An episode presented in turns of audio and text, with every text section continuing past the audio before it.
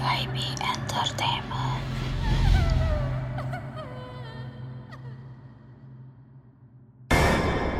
Ini juga ngeri Apa? nih, nih, nih, nih. Yang ngeri itu si aktris yang jadi ibunya ini emang si siapa? eh, Shelley Duvall, aktrisnya. Mhm. Itu karena film The Shining dia mentalnya juga berubah.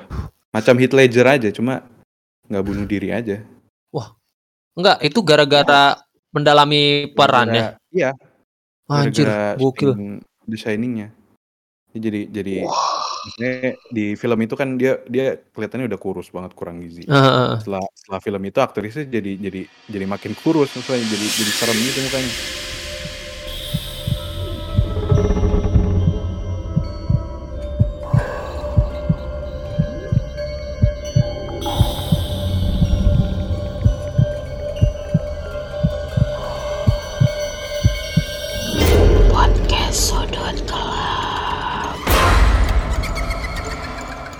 Hai guys, selamat datang di Sudut Gelap. Jangan dulu terlelap, kamu nggak tahu ada apa di dalam gelap.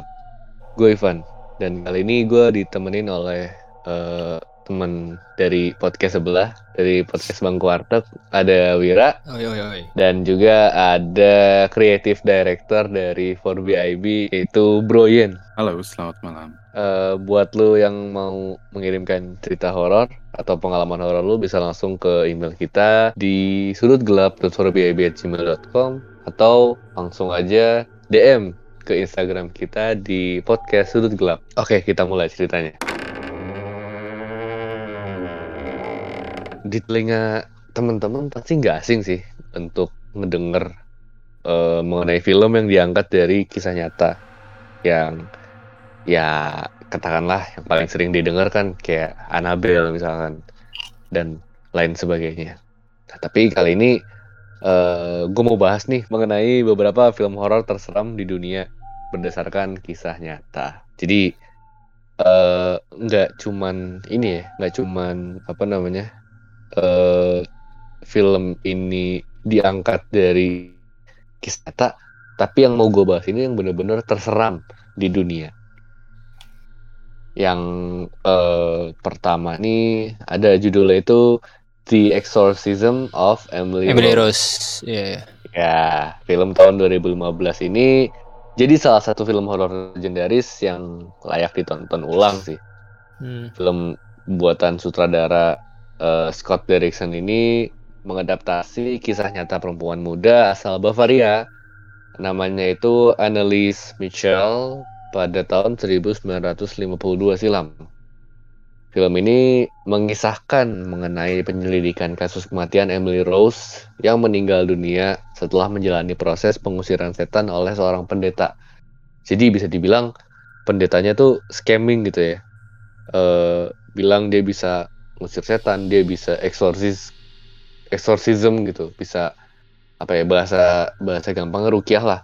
Hmm. Cuman eh, kenyataannya malah membuat si korban ini meninggal gitu. Diceritakan bahwa Emily di sini menderita penyakit epilepsi. Ya, sayangnya obat-obatan yang dikonsumsi justru membuat eh, dia makin depresi dan memicu keinginan untuk bunuh diri.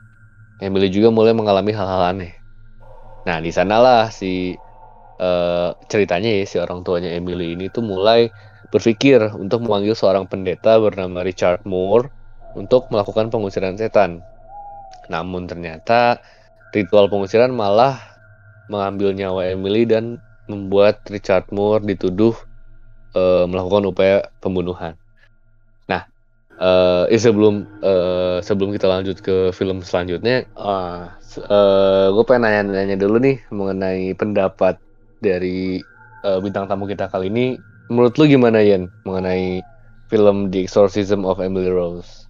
Ya, sebenarnya jujur gue belum pernah nonton. Cuma kalau kasusnya Emily Rose sendiri, gue emang udah familiar, emang emang sempet gue gua nonton uh, salah satu dokumenternya.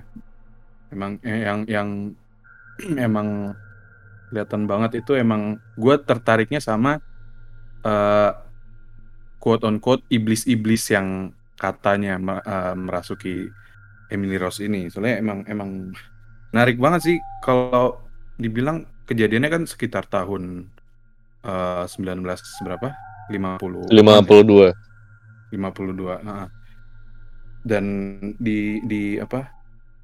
Di satu klip apa di dari dari filmnya itu ada eh, ada scene judulnya eh, The Six Demons. Jadi ada enam iblis yang katanya ngerasuki eh, apa? Analis Flashman.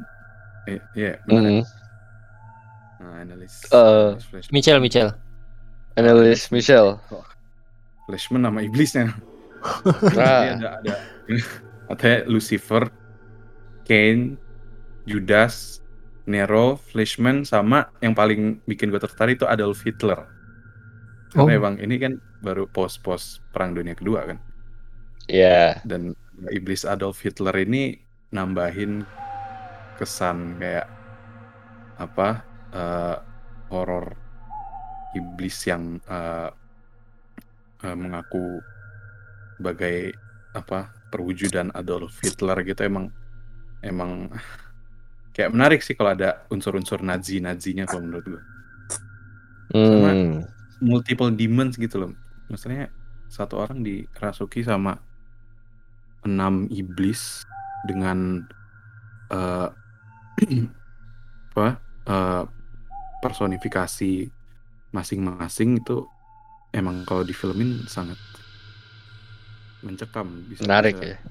Iya, ah, bisa dibikin sequence-sequence eh, satu-satu di mana tiap iblisnya ditunjukin gitu emang emang jadi pesan tersendiri kan ini ada ada Lucifer emang dari eh, apa nggak percayaan apa sih Lucifer tuh?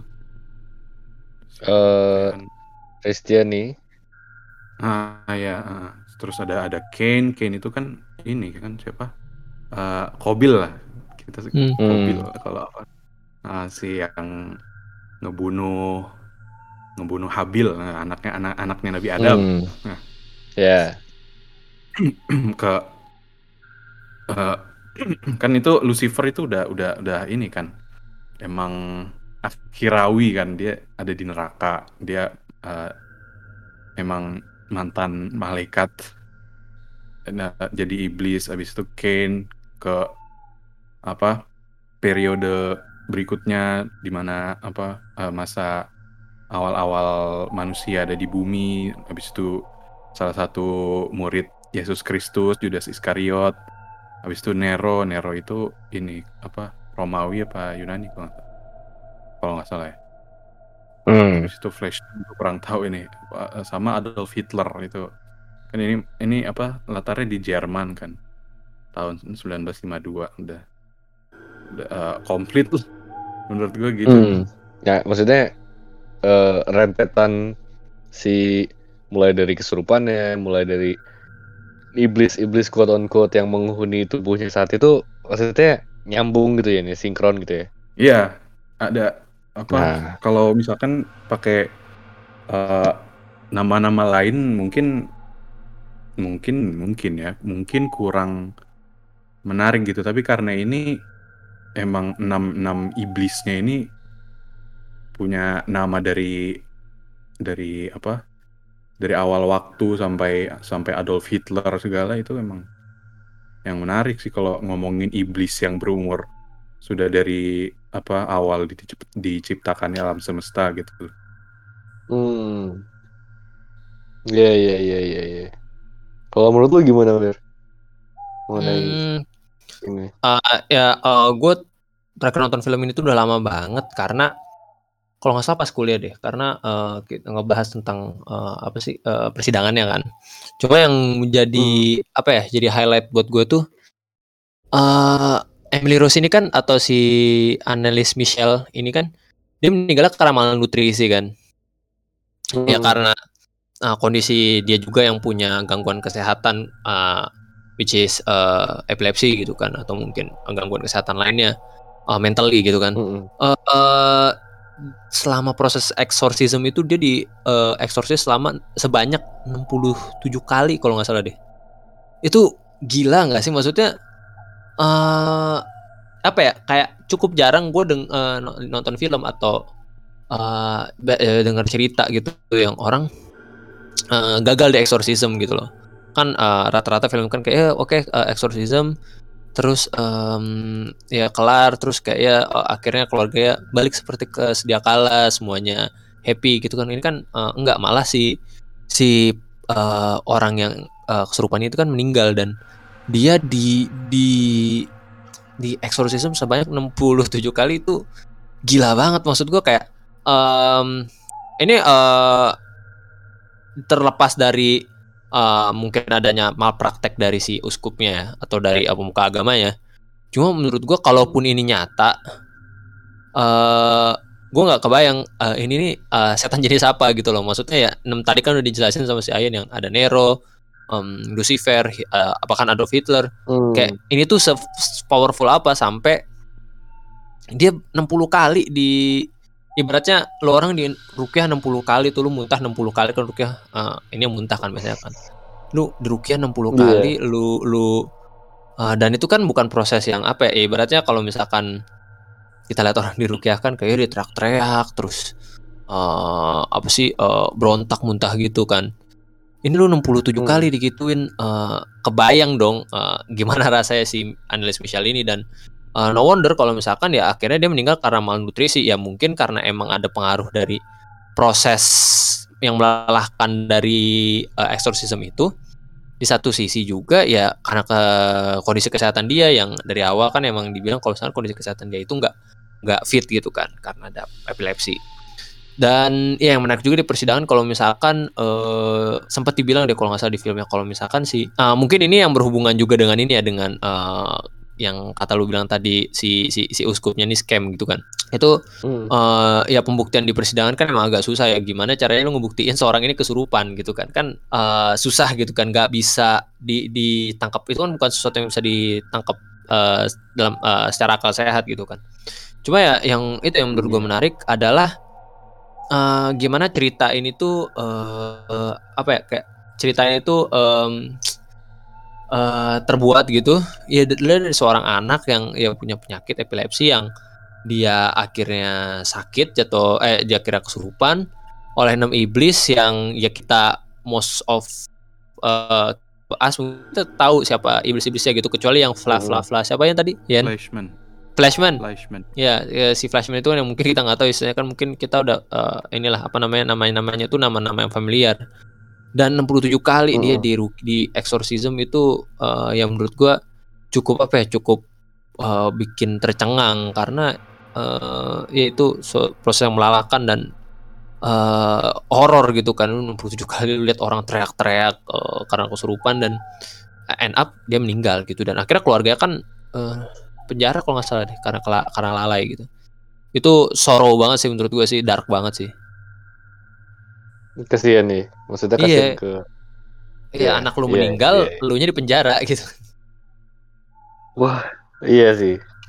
Ya, tapi kembali lagi eh yang namanya kalau kasus kayak gini nih terus di persidangan kan eh ya, gue tahu lu mendalami eh, bidang hukum gitu kan. Kalau Ah, misalkan ada kasus kayak gini nih, Iya. amit-amit misalkan ya gue kesurupan, terus habis itu gue melakukan tindakan yang eh, kriminal misalkan kayak gue mukul orang dan lain-lain gitu. Hmm. Cuman pas di persidangan gue udah sadar gue nggak gue nggak ingat melakukan itu dan pas di lie detector misalkan ya emang bener Iya. gue ngerasa gue nggak melakukan itu itu gimana Hmm. tuh kalau misalkan di Hmm, persidangan sependek pengetahuan gue sih di Indonesia ini belum ada ya ke hukum yang uh, me- me- me- mengcover tentang adanya uh, tindakan uh, yang dipengaruhi oleh hal-hal yang berbau spiritual karena balik lagi pembuktiannya gimana gitu kan ya gimana cara membuktikan kalau lu tuh uh, uh, at the state of kesurupan. Karena di Emily Rose ini juga kan si Hmm. pengacara si pengacara yang menuntut eh sorry hakim kalau nggak salah apa pengacaranya dia tuh em, banyak banget cara buat ngebantah kalau misalkan si Emily Rose ini kesurupan. Kayak contoh pas kan eh, itu direkam suara kan kan kalau uskup biasanya kan exorcism itu kan em, suaranya direkam kan bikin eh, rekaman suara gitu. Eh contohnya itu pas si Emily Rose teriak-teriak kan kayak dia pasti ini kan kayak wah, wah teriak-teriak segala macem. Itu pas eh, itu Hmm. dibilang kalau eh, pem- pe- argumen si pengacaranya itu dia bilang kalau misalkan eh itu bisa jadi suara kuda. Eh ya kuda lu pukul-pukulin itu kan pasti merengek-rengek kuda gitu kan ya itu kan bisa jadi Mm-mm. apa ya? Bisa jadi eh ya itu bisa jadi sound effect juga gitu kan. Atau kalau nggak salah tuh ada bagian di mana katanya si Emily Rose itu tuh bisa atau ada bagian keluarganya gitu yang bisa eh suara perut atau eh mendalami peran apa sih? Peran kayak drama gitulah. Gue lupa eh eh, kayak gitu apa enggak cuma yang jelas itu eh, pembuktiannya bakal susah banget Van. Jadi eh ya kembali lagi ke hal metafisik susah nggak bisa nggak bisa dibuktiin secara logis gitu nggak ada barang betul bukti yang betul solidnya juga gitu ya. betul betul, betul. Ah, susah juga ya berarti ya kalau eh, kejadian gitu kayak kayak misalnya kejadian lagi nih kayak si kasus Emily Ro eh Hmm, hmm. Emily siapa? Eh, Annalise Michelle Ah, Nulis Michelle ini kalau kejadian lagi kayak eh dia susah juga ya maksudnya ya. Apalagi di Iya, zaman iya. modern kayak gini gitu loh. Eh, Zaman du- dulu tuh ini Van eh kalau lu mungkin ini eh, gua nggak tahu ini film filmnya bakal ada di list lu atau enggak cuma eh, ada satu film eh ininya Insidious apa namanya? Kayak semacam lanjutannya Insidious lah tentang keluarga si keluarga pengusir hantu itu. Itu tuh mereka nanganin kasus yang eh, akhirnya kasus itu masuk pengadilan. Itu kalau nggak salah di di Amerika itu tuh kasus hantu yang pertama masuk pengadilan dan sepengalaman se dan ya tetap kalah akhirnya di pengadilan ya karena susah untuk membuktikan kalau dia ini melakukan itu karena dia kesurupan gitu. Hmm. Gua akhirnya dia kalah atau gimana ya? Atau gue lupa banget eh, detailnya dia kalah atau gimana cuma eh, si keluarga apa sih eh sorry bukan Amerika Inggris si keluarga pengusir hantu itu yang be- suami istri itu tuh dia eh ya berusaha mati-matian lah buat eh, ngeyakinin hakim nih kalau misalkan ya dia nih emang beneran kesurupan. Cuma gue lupa akhirnya menang apa kalah gitu. Tapi ya tetap eh, Indian susah banget sih. Hmm, iya, iya, masuk akal, masuk akal.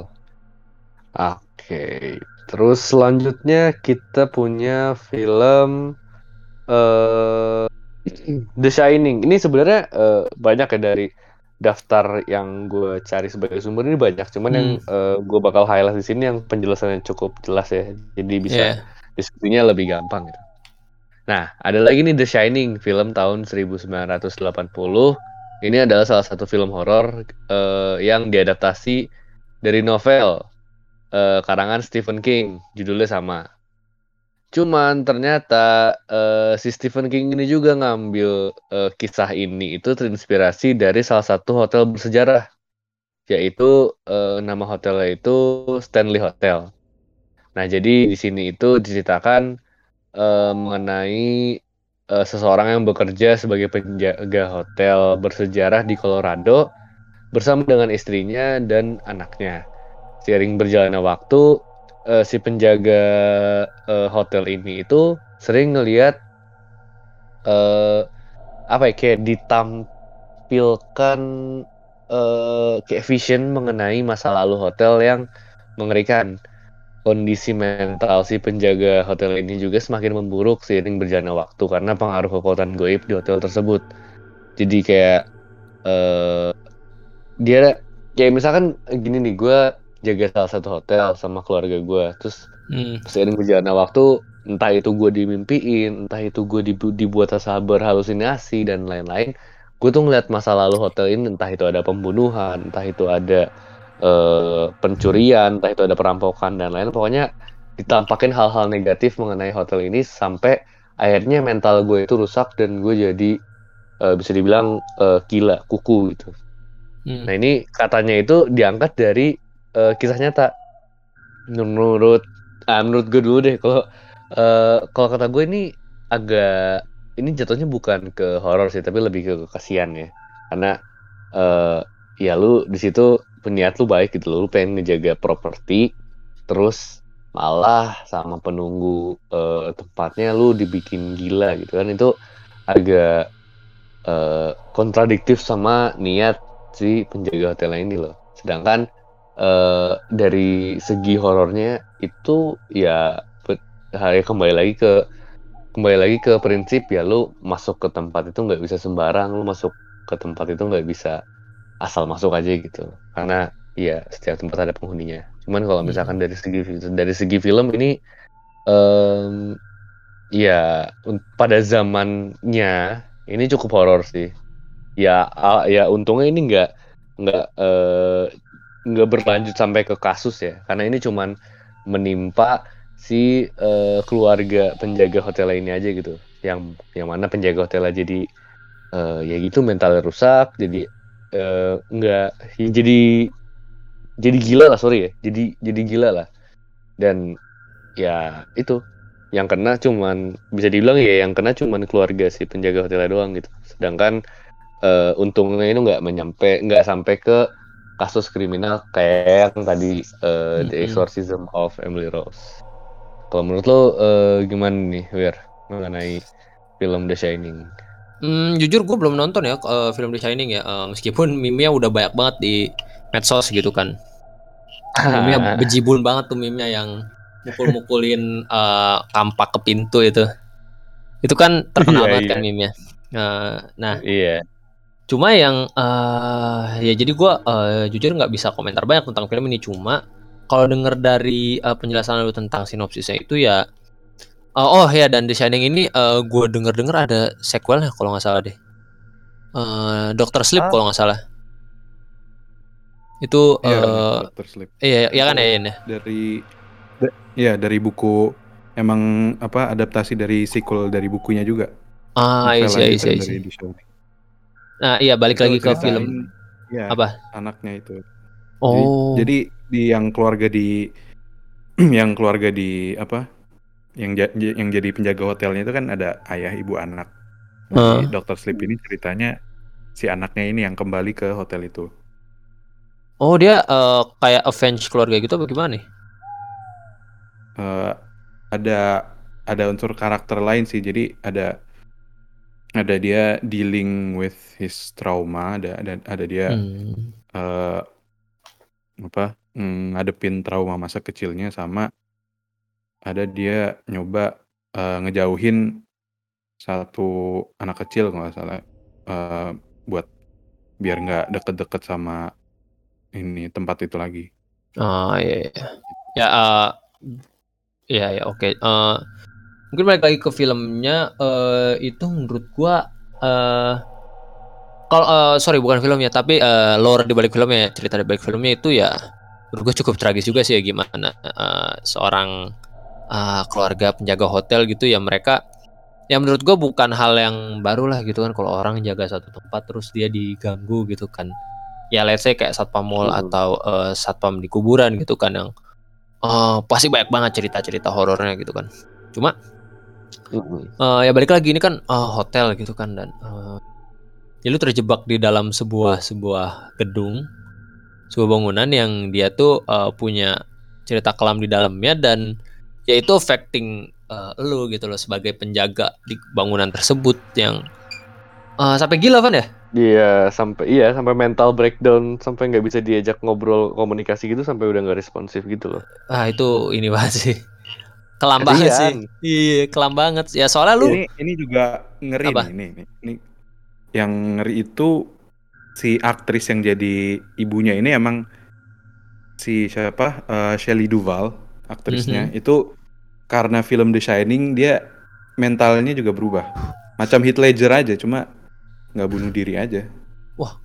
enggak itu gara-gara mendalami perannya. Iya, Anjir, gara-gara gokil. Shining- The Shining-nya. Dia Jadi jadi maksudnya di film itu kan dia dia kelihatannya udah kurus banget, kurang gizi. Heeh. setelah setelah film itu aktrisnya jadi jadi jadi makin kurus maksudnya jadi jadi serem gitu mukanya Jadi Anjir. kebawa karakter. Iya, karakter Kebawa, iya. mental Wah. jadi, mas- jadi bermasalah setelah film itu emang Eh tapi kondisinya sekarang gimana Yan? gue belum follow up lagi sih soal Eh. aktornya Soalnya kalau kayak Heath Ledger, iya, soalnya kalau kayak Heath Ledger ngeri juga kan sampai bundir dia. Gara-gara Joker. Iya gara-gara Joker. Intermezzo gitu aja, intermezzo. Iya, iya, iya. Tapi eh, BTW tadi kan lu bilang ada lanjutannya nih ini mengenai yang nyeritain anaknya gitu. Berarti kan Hmm. eh, ya ya berarti si apa namanya? Keadaannya saat itu saat itu ya keadaannya si orang tuanya ini udah nggak ada atau Udah si ada. bapaknya? Cuma eh, cuma si anak anak laki-lakinya doang namanya Denny. Jadi dia kembali ke masa lalunya deh. Jadi banyak banyak apa adegan adegan di mana dia balik ke masa lalu sebagai anak kecil tapi dia dia pas sudah gedenya masih ada di situ juga jadi ditampil-tampilin masa lalu pas dia sama keluarganya ada di situ juga Itu eh, latarnya di, hot- di hotel itu juga. Iya, cuma kayak ada latar eh, apa sih banyak horror psychology. Oh, Hmm. Jadi kayak bukan yang jam scare jam scare gitu ya? ilu- eh, ilusi-ilusi aja sih. Oh, Oke. Jam scare. Hmm. Hmm. Kalau dibilang jump scare kayak film horor-horor pada umumnya sih enggak lebih leb- agak lebih light Oh, Oke. menurut gua ya menurut gua. Iya, iya. Ah. Hmm, menarik, menarik, menarik. Nah, kalau nah, kalau The Shining gue udah se- bukan per- bukan sering denger ya.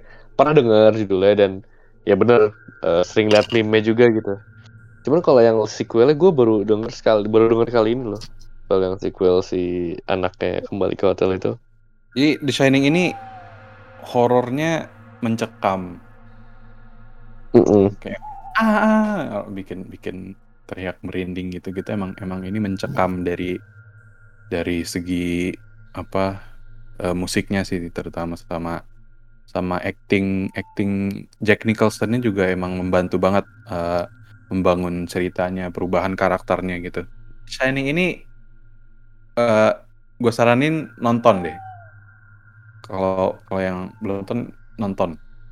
Karena ini selain emang horornya dapet kalau kita kalau gua sebagai sebagai orang yang sedang mendalami film ini emang eh, The Shining ini masuk apa sebagai eh, pop culture gitu loh jadi salah satu Oh, iya. elemen pop culture di apa di masa kini gitu loh yang eh, kan sampai sampai ada apa sequence sendiri di film Ready Player One ya kan? Oh iya, iya benar-benar.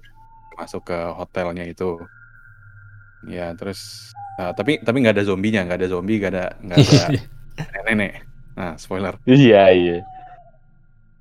ya ah, pokoknya yang yang gue emang pengen tahu ini uh, worth watching apa enggak ini worth watching banget kalau kalian nggak suka film horor nonton lah setidaknya ada ada ada unsur lain yang bisa uh, menarik Dipetik. Iya. Ada ada unsur-unsur macam-macam unsur yang bisa bikin orang tertarik eh, daripada hanya sebatas film horor eh, dari eh, apa? Buat daripada sebatas plotnya aja sih dari ceritanya. Dari apa? Jadi gue sebagai eh, eh, pelajar di dunia film ini jadi eh, banyak mengambil pelajaran dari film The Shining juga dari dari uh, unsur artistiknya terus banyak lah uh, penyutradaraannya sep- segala macam gitu sih Hmm. gue saranin Berarti untuk- nonton Ah, berarti untuk film tahun segitu pun eh, masih recommended ya di zaman modern kayak gini ya. Karena kan udah cukup lama kan film Iya. The Shining 1980-an ya kalau nggak salah. Iya 80 kan. Iya masih. Berarti udah termasuk bagus ya pada untuk film pada masa itu. Termasuknya bagus ya dari segi eh, plotting, sutradara, eh, menyutradarai dan lain-lainnya. Hmm. apalagi apa uh, ikonik sih film ini ikonik mulai dari uh, hotelnya terus apa yang si karakter uh, Jack Torrance-nya si Jack Nicholson-nya itu yang uh, yang ngebuka pintu pakai kapak Iya, kepalanya muncul nah here's Johnny iya, iya, iya.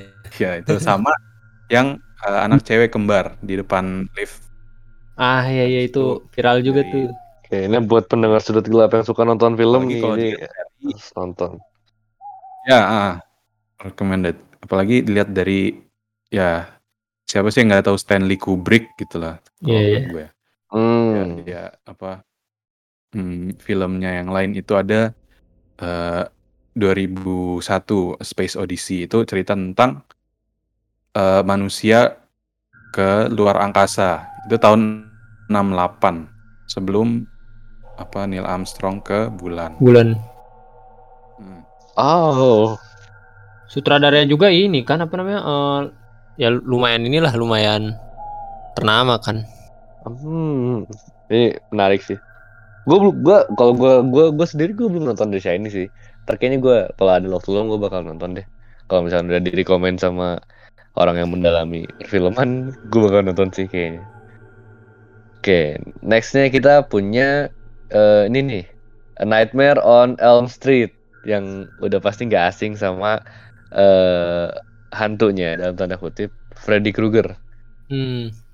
Hmm, di mana ini film salah satu film legendaris yang eh ya katanya itu diambil dari kisah nyata. Di mana film ini berkisah mengenai empat remaja yang tinggal di sebuah kota eh fiktif. Jadi kotanya tuh nggak ada ya, maksudnya kotanya tuh fiktif gitu. Ya entah di sini tuh eh, dibilang kotanya itu fiktif untuk menyamarkan kota kejadian aslinya atau bukan, gue nggak tahu. Cuman ya di sinopsis filmnya itu kotanya tuh fiktif bernama Springwood nah dalam mimpi si eh, empat remaja ini mereka itu diserang dan dibunuh oleh sosok hmm, setengah manusia setengah monster bernama Freddy Krueger. Dan ternyata sialnya ya hal ini juga membuat mereka terbunuh di dunia nyata.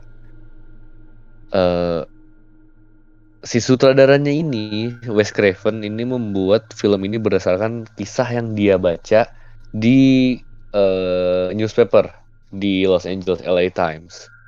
Dilaporkan mengenai sejumlah anak muda asal Asia Tenggara yang mengungsi akibat eh, kekejaman Khmer Merah pada waktu itu. Mereka mengalami teror mimpi buruk yang sangat parah sehingga sampai terbunuh.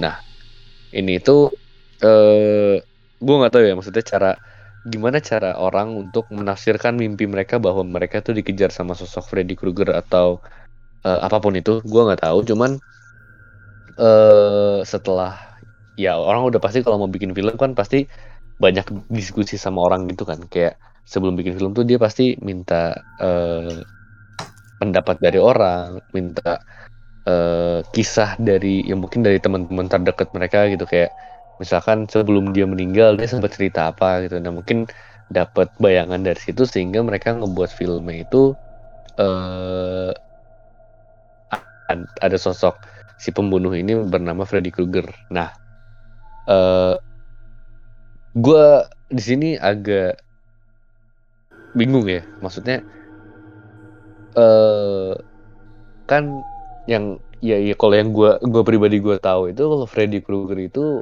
sosok fiktif gitu. Hmm. yang nggak yang yang nggak yang nggak nyata yang nggak nyata gitu. Dan gue baru tahu bahwa baru tahu malah bahwa eh, Nightmare on Elm Street ini tuh ternyata diangkat dari kisah nyata dan ya dari empat pemuda yang katanya mengalami gangguan mimpi buruk yang sangat parah ini dan empat-empatnya meninggal ini ya aneh gitu loh. Karena nggak ada ya setelah di katanya ya setelah didiagnosis mereka itu nggak eh, nggak punya penyakit nggak punya eh ya pokoknya nggak punya faktor-faktor yang bisa menyebabkan kematian gitu loh. Ya. Hmm. who knows? Tuh. Kalau kata kalau kalau menurut lu gimana Wir? Hmm, iya, eh, Elm kayak gue, iya gue eh, baca juga kan eh, kalau ya ceritanya itu eh, dari eh, si sutradaranya itu baca di koran eh, LA Times itu kan tentang ya itu pemuda yang dia meninggal eh, pas tidur ya kalau nggak salah. Hmm. Nah, pas lagi Jadi mimpi tidur sorry. lagi. Hmm. Eh, ini eh, dari se- eh, sependek pengetahuan gue aja ya, atau sependek informasi yang gue dapet itu, em, jadi si Hmm. bapaknya si orang ini kan, eh, dia tuh dokter. Eh, ini gue gak tahu di film apa di aslinya ya. Jadi bapaknya dokter terus kayak ngasih anaknya ini pil tidur, ya biar anaknya tidur karena ya ya gimana anaknya tiga hari nggak tidur gitu kan karena kalau tidur katanya bakal mati. Eh, dikasih tidur ya dia Ah. kira diumpetin sama anaknya. em, ya ya maksud gua ya, ya kita mungkin kita semua tahu ya kalau misalkan tidur itu kan eh, kebutuhan yang esensial ya buat manusia ya sama kayak makan Mm-mm.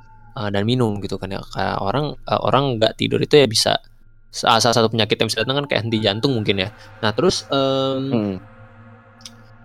yang menurut gua apa ya yang bikin gua ini em, mungkin eh, mungkin ada faktor eh, kejiwaan mungkin ya psik- psikologik mungkin ya yang mempengaruhi si anak itu cuma lu bisa bayangin seberapa menyiksanya lu tuh eh yang yang lu rasain kalau ketika eh, lu tuh nggak bisa tidur nggak bisa tidur bukan karena emang lu insomnia atau gimana karena lu tahu lu eh, punya apa ya punya semacam gambaran kalau lu tidur tuh lu bakal mati gitu kan itu kan apa ya kayak Mm. anjir nyiksa banget cuy gitu kan Ih, Ya, lu- ngebatin iya. bro. Iya, kayak ya lu mau tidur nanti mati, nggak tidur pusing gitu kan ya. Ya in in the way siapa sih yang pengen mati gitu kan ya. Makanya dia memilih untuk tidak tidur. Iya. Cuma eh yang mungkin eh sosok Freddy Krueger ini kayak eh, oh, gua rasa sih kayak semacam apa ya, sosok fiktif aja sih kayaknya ya buat eh, buat me- membumbui film itu gitu kan. Cuma yang gua yang bikin gua apa ya kayak semacam anjir lah itu tuh mungkin bukan di Freddy Krueger ya tapi ya gim apa yang dirasain sama si anak itu gitu loh ya anjir lu pengen tidur aja lu kagak bisa karena takut mati gitu kan ya sedangkan ya lu kalau mau tidur kan lu harus merasa Ah. tenang gitu kan ya Iya, itu kan iya, kebutuhan iya. esensial yang em, ya lu semalam nggak tidur aja tuh lu badan lu tuh anjir eh, lemas pusing. Iya, jadi zombie kan lu eh, hari esoknya ini Ya. tiga hari nggak tidur dan eh gue nggak tahu ya eh, maksudnya di di di kisah nyatanya nih anak nih eh, meninggalnya karena apa cuma eh ya kalau gue sih eh ini eh, pemikiran yang mungkin saintifik si anak ini ya bisa jadi meninggal karena kurang tidur gitu dan ya kenapa dia eh, punya mimpi itu di di eh punya perasaan itu pas dia tidur ya mungkin karena eh, do, eh, ada dorongan psiko- psikologik mungkin ya yang eh, bikin dia berhalusinasi seperti itu cuma itu eh, either way itu tetap ngeri banget sih parah Hmm.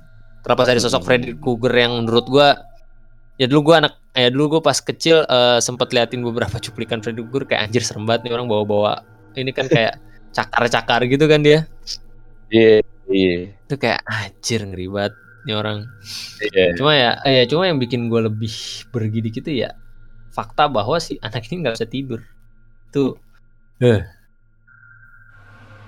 Hmm. Iya, iya. iya. Kalau dari pandangan lu gimana, Yin? Mengenai Nightmare on Elm Street. Ya, jadi pesannya jangan begadang terlalu lama. Nggak sehat. Ya, Iya, kan kata Roma Irama jangan begadang ya. Kalau nggak ada kalau nggak ada ini ya artinya. kalau nggak ada artinya. Kalau menurut gua ini sebuah topik yang emang emang patut diangkat menjadi film kalau menurut gua. hmm. Karena emang apa eh, lagi-lagi ini kan psychological horror dengan eh, tambahan personifikasi mimpi buruk itu sendiri kan. Hmm. Jadi kalau dilihat dari apa? eh, kalau dilihat dari eh ininya penyebabnya itu kan emang karena gini loh. Jadi pada masa itu kan banyak yang ini kan yang dari perang Vietnam. oh Hmm, iya iya gitu kan. Nah, Yang ya, ini jadi- tadi kekejaman ya, apa? krem mer- merah apa itulah. Ya, jadi karena emang emang gitu rata-rata mimpi mimpi-mimpi tentara-tentara gitu yang ngebunuh-bunuhin orang biasanya gitu dia dihantui sama sama ini sama korban-korban perang ya ininya iya korban-korban perang yang mereka bunuh gitu loh. Jadi mereka sampai pulang pun nggak tenang jadi ke bawah ke bawah mimpi. Dan itu apalagi apalagi perang Vietnam. Itu eh, monumental banget buat buat Amerika kan. Emang buat apa? Meskipun kalah tapi Iya. emang bener Iya. bener, bener di dijaya-jayakan kalau Amerika uh, ber Vietnam tuh kan makanya uh, Ah. gambarannya dari dari media dari atau bukan media dari gambaran lewat film atau apa film lagi kan Uh, perang Vietnam tuh perang yang paling brutal lah kalau kalau kalau kita lihat dari film-film yang yang berlatar perang Vietnam tuh paling banyak darah segala macam tentara-tentara Mm-mm. Hmm, banyak mati-mati kejam-kejam orangnya ya itu ngaruh banget sih kalau dikaitkan lagi dengan mimpi buruk emang itu yang paling the worst lah bagi bagi orang-orang yang emang membunuh gitu mereka bertugas untuk membunuh jadi ya ngeri sih kalau emang punya punya dosa gitu loh Iya. Hmm. Iya, iya, iya. Iya. Tapi eh, ini eh, mungkin ini eh, fun fact mungkin ya dikit tentang perang Vietnam. Eh, jadi eh se gue pernah baca di Twitter kalau nggak salah deh. Jadi orang Vietnam itu tuh mereka menghargai yang namanya tuh eh, arwah arwah gitu arwah-arwah orang yang udah meninggal gitu atau eh, arwah-arwah pahlawan gitu. Jadi si gue lupa eh objeknya tuh apa cuma Amerika tuh kayak eh, buat eh, mancing. Kan orang Vietnam itu kan ngumpet kan sama perang kan gerilya kan sistemnya. Eh, Iya. si si Am- eh, Amerika ini tuh dia pakai helikopter terus pakai speaker tuh kayak eh apa ya kayak jadi ada kayak semacam mungkin ritual gitu ya yang memakai suara gitu yang dilakukan oleh Vietnam. Itu tuh suara-suaranya tuh dipakai sama Amerika buat mancing orang-orang Vietnam keluar. Jadi kayak nge apa ya kayak nge, nge manas-manasin gitu lah ngeprovokasi jadi kayak tentang kayak, kayak keluarga lu datang gitu loh. Eh ini nih mau nemuin lu nih gitu kan. Kayak gitu gitulah kalau nggak kurang eh, lebih ya seingat gua. Ya ya mungkin dan juga kan eh, Vietnam itu kan sampai sekarang banyak juga kan dijadiin apa ya kayak semacam eh, jokes atau semacam satir gitu kan buat Amerika ya. Kalau misalkan mereka Oke. nggak bisa naklukin Vietnam gitu kan yang notabene Hmm. mungkin secara militer jauh di bawah Amerika gitu kan pada saat Hmm, itu hmm, hmm. mungkin susah sampai saat ini. Cuma ya eh, dan Amerika kan ngalamin damage yang wah gila-gilaan kan di perang Vietnam kan bener-bener lossnya banyak banget dah mereka. Dan ya itu ya itu sih relate eh, relate-nya sih eh, kayak yang tadi. Eh ya mungkin itu yang bikin Amerika kayak semacam apa ya kayak semacam ada post traumatik gitu ah, pasca perang Vietnam yang ya di mana eh ini mereka banyak yang mati korbannya banyak dan eh perangnya di hutan gitu yang ya ya menurut gue cukup horor juga sih Iya. kalau perang di hutan terus tiba-tiba lu eh, mati aja gitu kan kayak gitu sih Iya, iya. Iya, bener bener bener bener. Apalagi ya di hutan. Hutan kan identik sama sesuatu yang horor ya. Entah itu Iya, iya, apa pun pokoknya. Hutan kan bau ih serem hutan tuh gitu. Betul. Tapi kan yang aneh di sini, yang aneh di sini itu ini, Wir, apa ya? apa tuh eh lu mimpi, lu dibunuh di dalam mimpi sama sosok ini. Heeh. Terus lu mati beneran di dunia nyata. Itu tuh eh menurut menurut gua nggak make sense aja gitu. Gue Iya. malah dulu nganggep ini semacam eh, fairy bukan Fiksi. fairy tale, semacam fiksi story yang diseritain ke anak kecil biar anak kecil ini nggak begadang.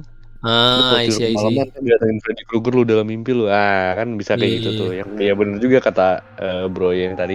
hmm. Ya poinnya ya jangan jangan kebanyakan begadang karena kan gak sehat gitu kan. Ya Iya. mungkin moral value-nya yang benernya itu ya. Cuman kan kita nggak ada yang tahu kisah itu kayak gimana gitu. Apakah Mhm. benar pemuda ini didatengin terus dibunuh dalam mimpi sehingga di bener di dunia nyatanya jadi meninggal atau gimana kan kita nggak ada yang tahu ya. Jadi ya Iya. Ya kita kan kembalikan ke eh, persepsi para pendengar aja. Hmm, atau mungkin ada Next. yang eh, pernah baca Hah? apa ya? Atau mungkin pernah ada yang baca kayak eh catatan medisnya gitu tentang si anak yang meninggal ini itu mungkin boleh di ini ya, boleh di share ke eh, Ah bener. Instagramnya podcast sudut gelap gitu kan ya karena itu bisa jadi apa ya semacam titik terang lah ini kenapa nih si anak bisa meninggal di dunia nyata juga meskipun dia dibunuhnya dalam mimpi gitu kan siapa tahu mungkin karena ada ja- Iya, penyakit bisa. jantung atau Bener-bener. ada penyakit Iya. bener bener bener bener bener nah, kan kita eh, kebetulan kita nih nggak nge nggak eh, searching secara rinci ya mengenai Mm. per filmnya dan per isinya seperti apa jadi kalau misalkan pendengar sudut gelap ada yang punya info lebih lengkap dan mau di share ke kita boleh banget boleh banget betul terus Masalahnya ini mimpi next. kan. apa Ini iya Mimpi, ini mimpi orang yang udah meninggal. Siapa yang Iya, tahu mimpi orang meninggal kan? iya iya ya it- itu loh maksud maksud gue pertanyaan gue tadi di awal tuh gitu loh mungkin si sutradaranya ini bikin film ini kan bisa jadi entah dia berimajinasi dengan imajinasinya atau nanya ke orang terdekat mungkin kan kayak ini sebelum meninggal sempat cerita ke lu nggak dia mimpi atau gimana atau gimana atau gimana Hmm. atau mungkin udah beneran udah baca catatan medisnya terus dibikin horor kayak gini biar ya biar biar horor gitu loh iya ya betul betul, betul. nggak ada yang tahu. Hmm. Terus selanjutnya kita punya film yang nggak asing, Conjuring. Conjuring udah pasti udah pada denger lah, udah pada Iya, iya. setidaknya udah pada non- udah pada denger deh judulnya yang belum nonton juga pasti oh Conjuring film horor. Ini itu buat teman-teman yang nggak tahu ya Conjuring itu eh, berkisah mengenai aktivitas sepasang paranormal eh, yang datang untuk membantu salah satu keluarga yang mengalami kejadian-kejadian janggal di rumah di rumah barunya di Rhode Island pada tahun 1971. Eh ini itu katanya ya sumber film ini itu dibuat eh, dibuatnya ini berdasarkan pengalaman dari Ed dan Lorraine Water yang juga pernah menerbitkan buku House of Darkness, House of Light. Nah, jadi s- mereka nerbitin buku nih bercerita mengenai pengalaman horor mereka sekaligus eh apa namanya?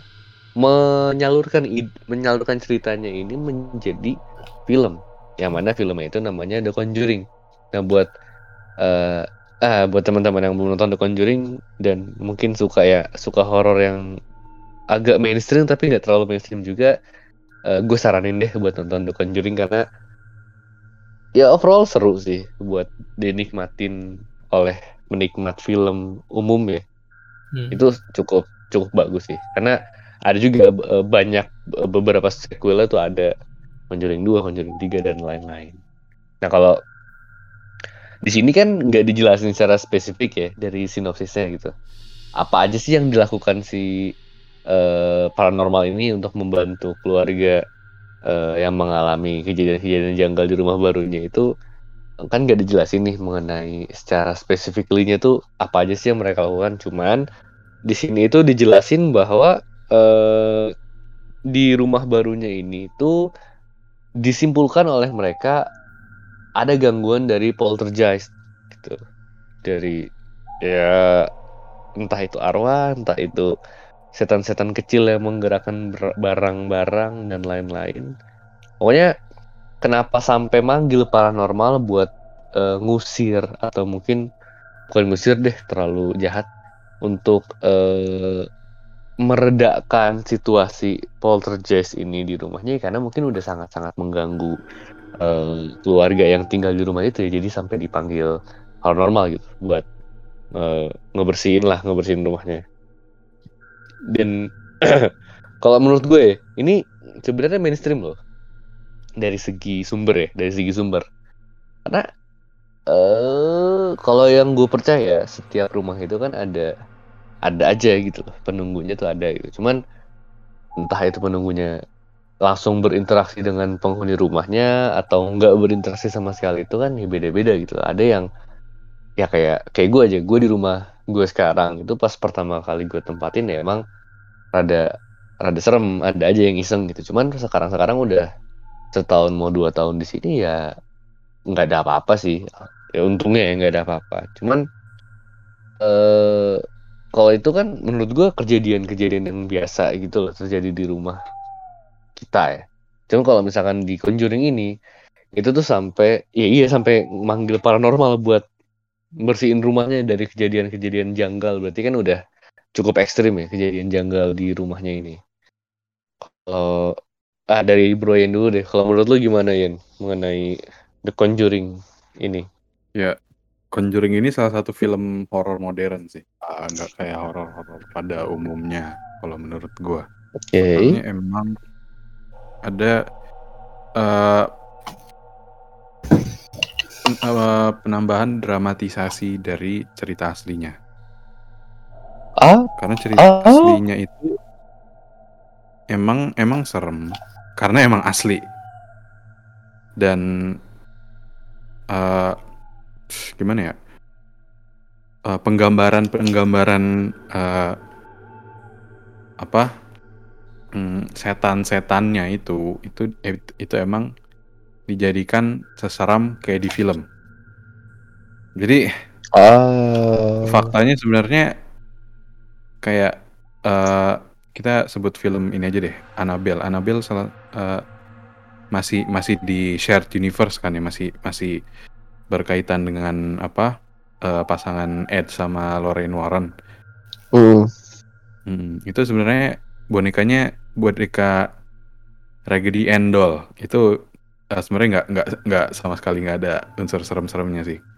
Kecuali kalau emang emang sengaja ditaruh di ruangan gelap tengah malam, nah itu serem baru. Cuma aslinya nggak nggak begitu serem. Cuma karena emang ini asli, itu udah nambahin kesan horor.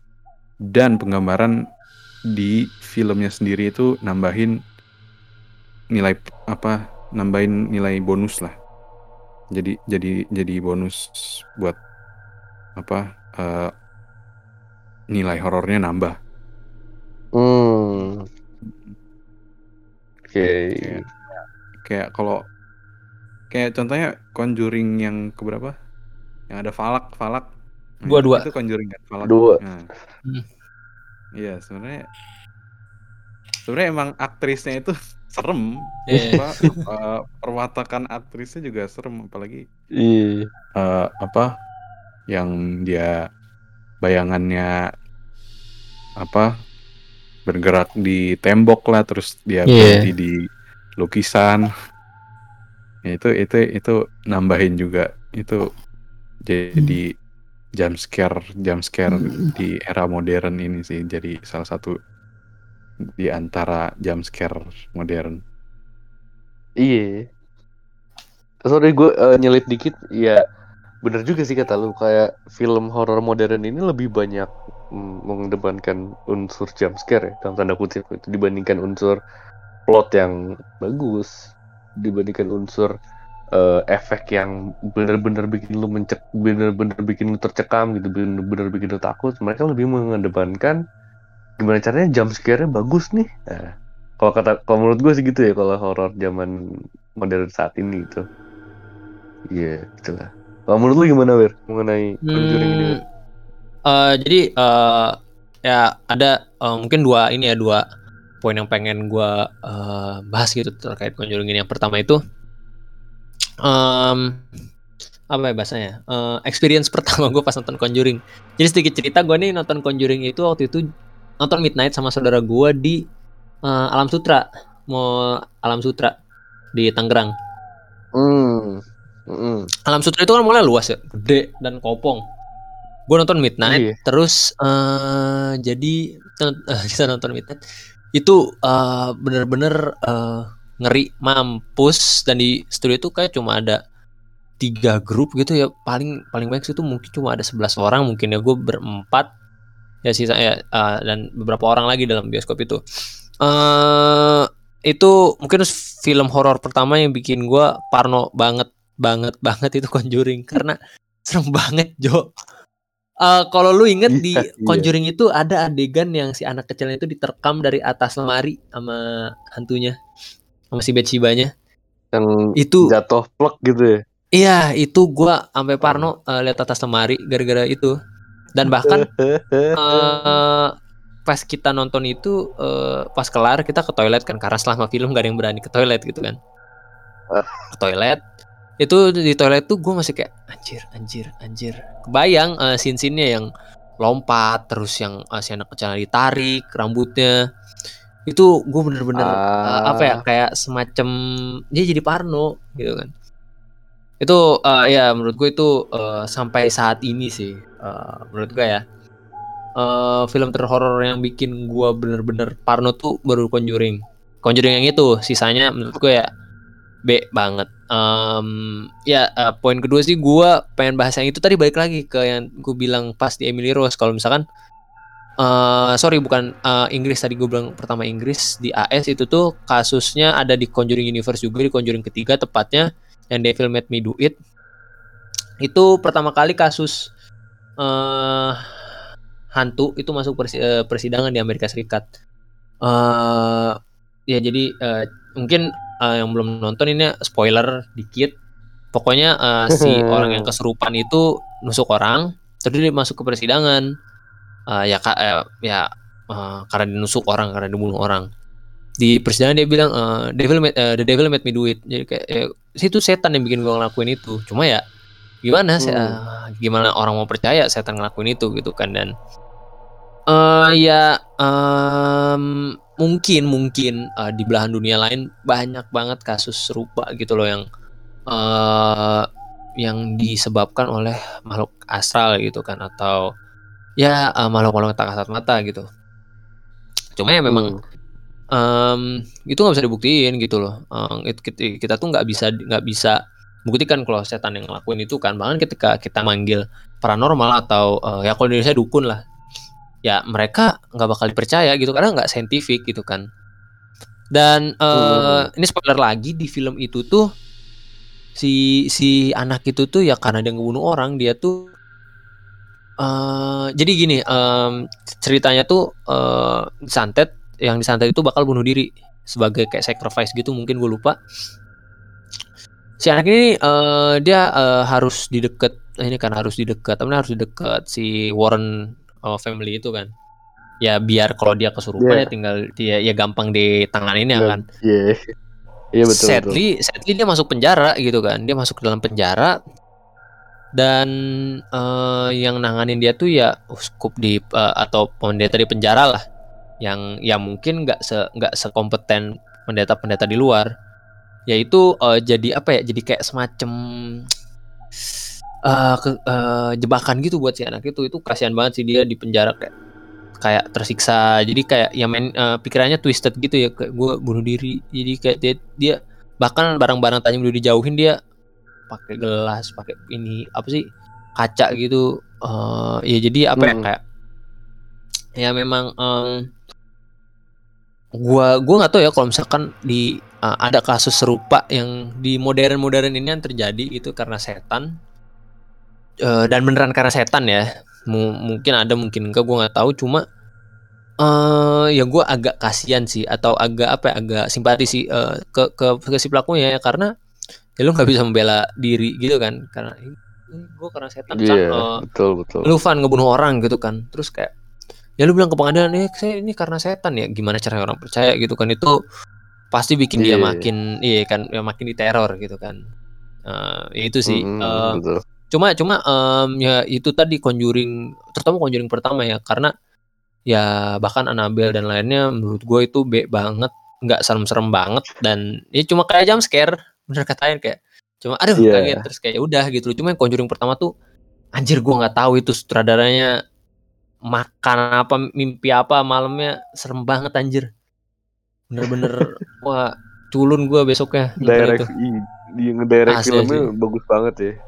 Parah, parah itu gokil sih gitu Ah. Ah, iya iya iya. iya. Gue juga pertama kali nonton Conjuring apa ya? Bukan takut, gue sengaja sengaja nggak ke kamar mandi nggak apa-apa, gue rela gue ngompol nggak nggak berani gue. Iya kan? Ya maksudnya eh Conjuring itu kan yang pertama itu kan ngambil latarnya rumah baru kan yang di mana iya. ya film-film iya. horor itu tuh udah itu kayak ini banget lah udah pasaran banget ya, tentang rumah baru, keluarga baru pindah, terus kayak eh, rumahnya gede tapi creepy, dulunya pernah ada tragedi Iya. macam-macam di situ yang akhirnya keluarga itu kena. Itu kan kayak apa ya kayak semacam em, topik yang yang standar banget gitu di Itu film horor cuma iya cuma em, dari jump scare-nya dari ceritanya terus dari gimana hantunya di present itu wah kacau banget itu parah. Iya, Conjuring, iya bagus banget sih. bagus banget sih. Gokil gokil. Bikin suasana mencekamnya tuh bagus ya. bagus bagus. Sama ya em, iya. memorable scene juga yang ini sih. Si Warren ceweknya itu eh, siapa nama cewek? Laura lupa gua nama istrinya. Itu tuh dia eh, lihat ke ini lihat ke apa namanya lihat ke pohon. Di pohon itu tuh ada yang ini orang gantung diri. Itu kayak anjir gua bener-bener kayak anjing ngeri banget sih ini nih creepy ah bukan ya, merinding lah bikin kayak ada ada efek-efek traumatis dikit gitu gue kayak kacau Yang yang pohon deket danau ya, yang pohon deket Iya, iya, danau. iya, gitu, pohon berarti, deket danau. Iya, iya, iya, iya, itu kan iya. kayak wah kacau gitu sih Nah, walaupun walaupun Sama nih Kalau yang eh, apa? Yang dia kalau yang yang scene dia nyalain korek di kegelapan terus tahu-tahu di sampingnya ada yang nepuk tangan itu conjuring juga. itu Conjuring juga iya iya dia Conjuring, dia- itu Conjuring. yang di bawah tanah yang di bawah tanah oh, itu anjir ini banget sih itu jam scare jam scare itu kacau, kacau. bagus. Iya jam sekarang tuh nggak langsung kayak muka Iya, wah gitu loh, tapi kayak se sepotong-potong bagian tubuh gitu kan kayak anjir itu ah serem banget. Iya iya. Bagus. Nah itu kan eh yang mau gua garis bawahin di sini itu kan udah difilmin ya. Hmm. Gimana kejadian aslinya gitu loh. Wah itu Gua ngebayangin kalau gua jadi keluarga yang ngalamin, wah kacau sih. jauh sih itu Karena kan benar-benar diangkat diangkat dari Iya. kejadiannya, iya oke walaupun ditambahin special effect dan agak dilebay, agak dihiperbolain gitu loh. Cuman tetap aja sedih sedih hiperbola hiperbolanya kan itu kejadian nyata gitu loh. iya keluarga betul. digangguin se ekstrim itu gue ngebayangin jadi keluarganya wah gila sih gak bisa lagi gue nggak sanggup sih Nggak sanggup ya. Bahkan pas kejadian itu gue kayak masih pasti masih trauma gitu sih. lagi itu ini loh. Yang nambahin lagi itu kisah nyata yang yang makin menjual dan makin uh, nambahin kesan horor itu itu kisah nyata dan salah satu pelaku di kenyataannya itu masih hidup Iya iya benar-benar. yang membedakan sama kalau kisah nyata dan Oh. pelaku aslinya udah udah udah nggak ada semua cuma dari apa dari cerita atau dari apa literasi gitu loh Si Iya, Warrennya iya, masih Dari apa dari ah, iya Lorraine-nya itu masih hidup sampai sampai Iya. sekarang iya itu yang yang nambah nambah horornya itu di situ saksi hidupnya masih ada ya saksi masih mata ada iya. wah Iya, masih Pelaku ada sih. pelaku kejadian dia. iya iya iya bener bener bener bener ah iya gue gua gua gua ini sih gue ngebayangin kalau jadi keluarganya yang mengalami ini nggak sanggup sih. Parah ngeri banget. cuy. Dari sekian banyaknya film yang diangkat dari kisah nyata ya yang menurut kalau yang menurut gue pribadi dan eh, layak untuk dibahas menurut gue ya yang tadi disebutkan ya karena Iya. eh, cukup ikonik gitu. Cukup eh, cukup berkesan ya di mata para penonton film dan penyuka horor ini cukup berkesan gitu. Nah buat lu yang ngerasa merinding atau merasa takut merasa apa ya kayak nggak nyaman gitu setelah mendengar episode ini lu harus share ke temen lu untuk eh, ajak dengerin juga nih episode ini Jangan lupa untuk follow sosial media kita di Instagram di podcast sudut gelap dan jangan lupa juga buat follow podcast sudut gelap di Spotify. Gue Ivan beserta eh, Wira dan Broyen. Kami pamit undur diri dan jangan lupa selalu cek sudut ruangan lo. Bye. Bye.